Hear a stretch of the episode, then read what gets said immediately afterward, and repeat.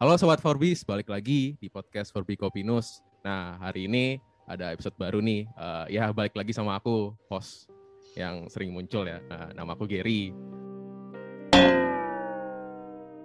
Uh, semoga masih inget ya. Uh, nah, uh, hari ini tuh kita akan membahas terkait uh, bahasa isyarat ya, yang biasa identik sama teman-teman tuli atau tunarungu itu. Tuh. Nah, uh, kalau kita bahas terkait uh, identik ya, kalau misalkan contohnya tunanetra gitu ya. Tunanetra kan biasa identiknya sama uh, apa? tongkat atau uh, tulisan braille gitu ya. Nah, kalau teman tuli identiknya dengan bahasa isyarat. Nah, barusan aku ngomong itu uh, belum tentu benar karena itu aku asal ngomong ya. Nah, biar tahu aku ngomongnya itu benar atau enggak, uh, langsung undang aja ya. Uh, guest kita hari ini yaitu Mbak Akmarina. Halo Mbak Akma. Eh panggilannya apa ini? Halo. Uh, Rin, boleh panggil Rina nggak apa-apa. Ah, oke, okay. Mbak Rin. Uh, bisa perkenalan dulu mungkin Mbak Rin? Ya, halo, perkenalkan nama aku Akmarina, bisa dipanggil Rin. Aku sekarang domisili di Malang, baru lulus kuliah. Nggak, nggak terlalu baru sih sebenarnya, udah agak lama mungkin ya. Sekarang ya? uh, pekerjaannya, ya sekarang pekerjaannya uh, lebih ke freelance sih, freelance uh, analisis data sama freelance juru bahasa isyarat. Nah, sekian. Nah, Oke, okay. berarti Mbak Rina ini juru bahasa isyarat gitu ya? Ya, betul. Berarti kalau bisa dibilang tuh Mbak Rina itu tahu terkait dunia apa ya tunarungu atau temen tuli ini cukup mendalam kah? Bisa dibilang?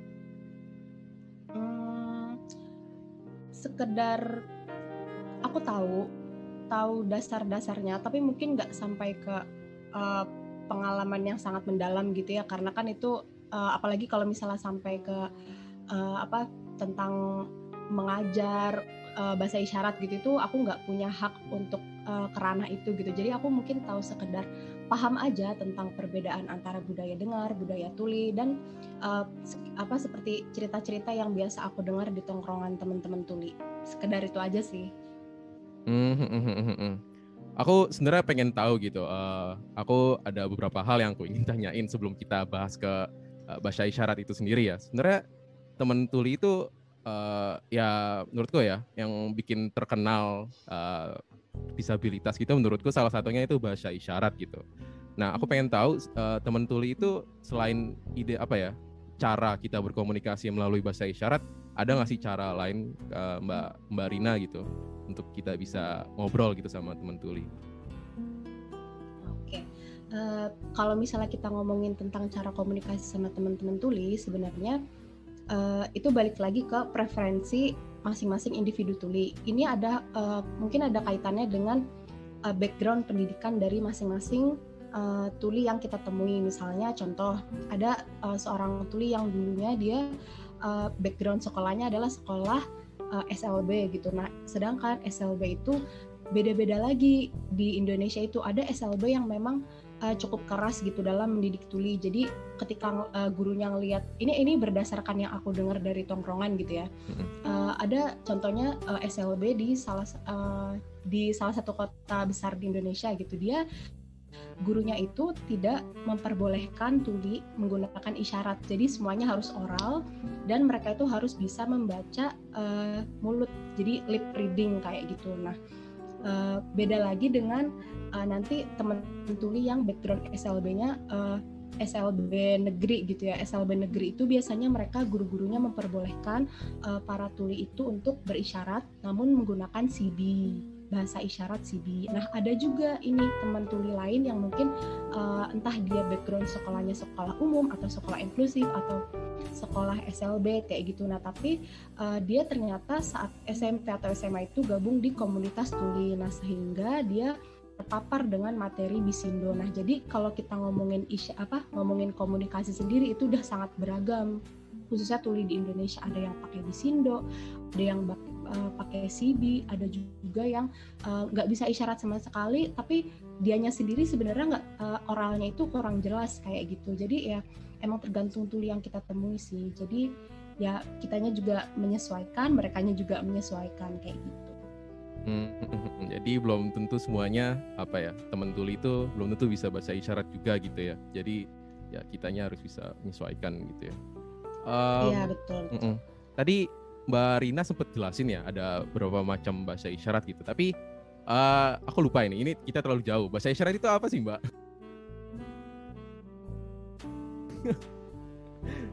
menurut Mbak uh, sendiri. Uh. Menurut aku ya bahasa isyarat itu gampangnya adalah bahasa yang divisualkan. Dia itu sebuah bahasa ya pastinya uh, sebuah bentuk komunikasi menggunakan visual. Uh, sebenarnya ada berbagai aspek yang masuk di dalam bahasa isyarat ada uh, gestur misalnya ada uh, ekspresi misalnya. Ada juga uh, biasanya ditambah dengan uh, sedikit uh, oral gitu. Nah itu uh, gabungan dari lah yang kemudian divisualkan sehingga orang yang uh, apa menggunakan apa menggunakan bahasa isyarat tersebut ya hanya mengandalkan kemampuan visual aja kayak gitu untuk menyampaikan informasi itu sih menurut aku. Ah oke. Okay. Uh, eh, terus tadi soal jenisnya bedanya apa sih? Aku juga sering dengar gitu bahasa isyarat ada bisindo sama sibi ya. Uh, itu mungkin bisa dijelasin Mbak Rina apa itu bedanya? Oke, ini di sini aku uh, menjelaskan tapi dari uh, karena ini kan masuknya udah mulai kayak ke materi bahasa isyarat gitu ya. Aku merasa aku iya. nggak punya hak untuk oh. uh, lebih menjabarkan lebih detail gitu. Tapi ini hanya berdasarkan aku pahami dari uh, beberapa kali aku ikut webinar tentang apa tentang bahasa isyarat gitu. Terus juga uh, berdasarkan pengalaman aku ngobrol sama teman-teman gitu. Uh, di Indonesia memang ada dua bahasa isyarat yang uh, sama-sama diakui sebenarnya ada CB dan ada uh, Bisindo. CB sendiri adalah uh, sebenarnya sistem isyarat bahasa Indonesia. Jadi itu adalah sebuah bahasa apa?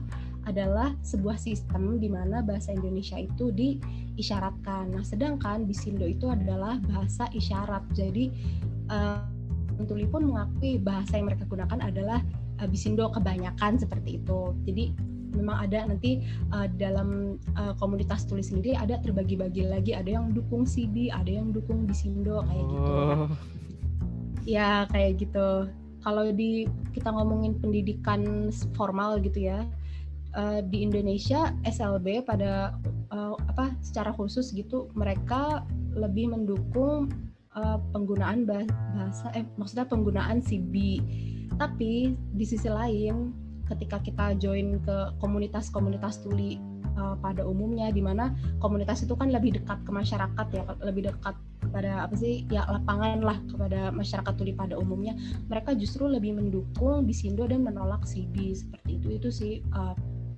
sepemahaman aku seperti itu. Hmm, hmm, hmm, Kalau Mbak Rina sendiri biasanya gimana? Aku sering lihat Mbak Rina sebagai JPI gitu ya, apa juru bahasa isyarat misalkan di acara uh, webinar mungkin ya Uh, kalau Mbak Rina sendiri uh, pakainya apa gitu, CB atau Bisindo? Dan alasannya apa gitu? Apakah ada juga anjuran dari uh, misalkan instansinya yang mengundang Mbak Rina sebagai JBI itu atau gimana? Aku pakai Bisindo karena uh, aku awal mula aku uh, terekspos dengan materi-materi bahasa isyarat dengan pembelajaran bahasa isyarat uh, pusat studi layan disabilitas di uh, Universitas Brawijaya karena aku kan alumni UB gitu ya. Nah, di situ saat aku jadi volunteer, aku uh, belajar uh, terekspos dengan uh, dunia tuli, budaya tuli, kemudian perbedaan antara budaya tuli dan deng.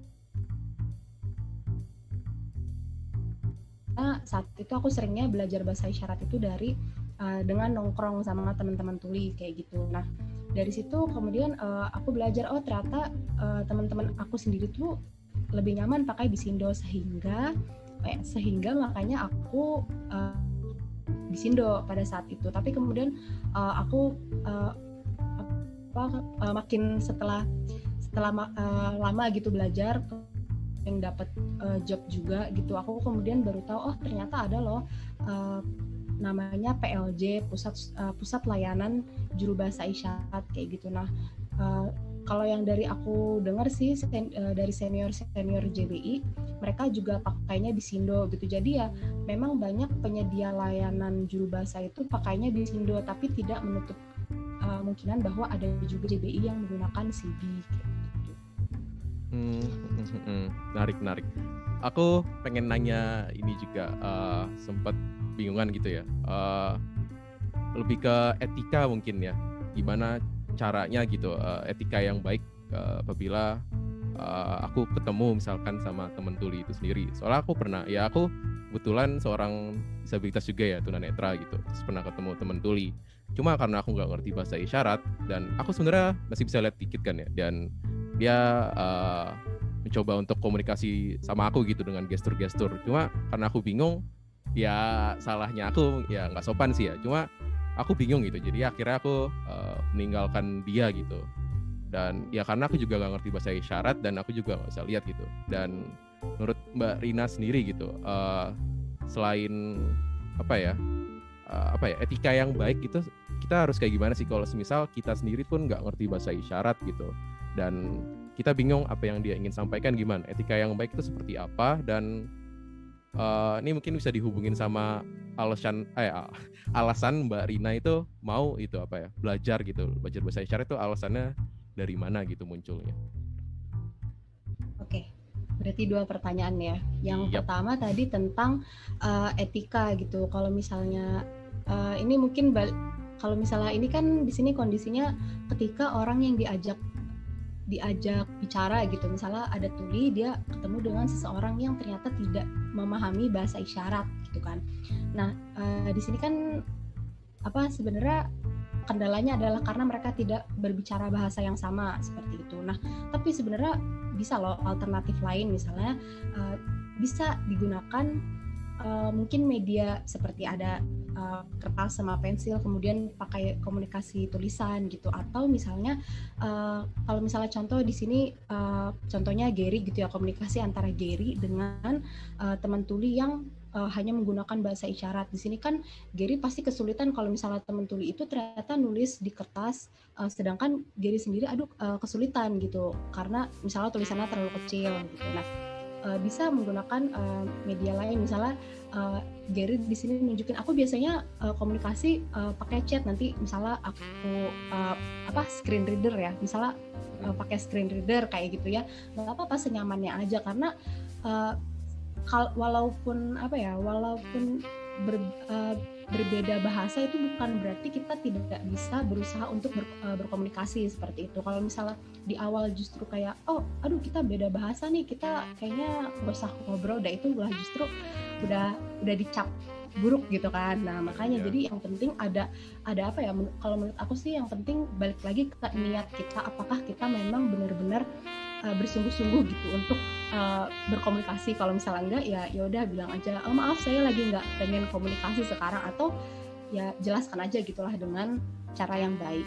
Seperti itu kemudian tadi pertanyaan kedua alasan ya kenapa aku belajar bahasa isyarat itu ya awalnya karena aku join jadi volunteer di pusat studi layanan disabilitas. Kemudian uh, ketemu banyak teman-teman disabilitas di situ. Nah uh, ada menurut aku satu nih yang unik oh kalau tuli ini agak challenging nih karena aku harus belajar bahasa mereka. Aku di situ saat itu kondisinya udah deket sama teman-teman netra, udah deket sama teman-teman uh, psiki, teman-teman autis, teman-teman daksa gitu. Tapi aku nggak bisa nih deketin teman-teman tuli karena aku uh, menggunakan bahasa yang berbeda kayak gitu. Nah akhirnya ya udah aku uh, mencoba men-challenge diri aku sendiri. Aku langsung aja ikut tongkrongan mereka tanpa tahu mereka ngomong apa. Tapi ya karena keseringan ikut nongkrong tiba-tiba tahu aja gitu bahasa isyarat.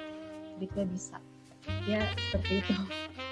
Wah dan aku pengen tahu gitu uh, lebih cerita kali ya pengalaman Mbak Akmarina gitu. Setelah tahu bahasa isyarat sendiri gitu uh, bisa dibilang apa ya terjun ya ke dunia disabilitas gitu apa sih yang paling mengesankan gitu setelah dia bisa tahu bahasa isyarat, uh, bisa berkomunikasi dengan temen tuli gitu.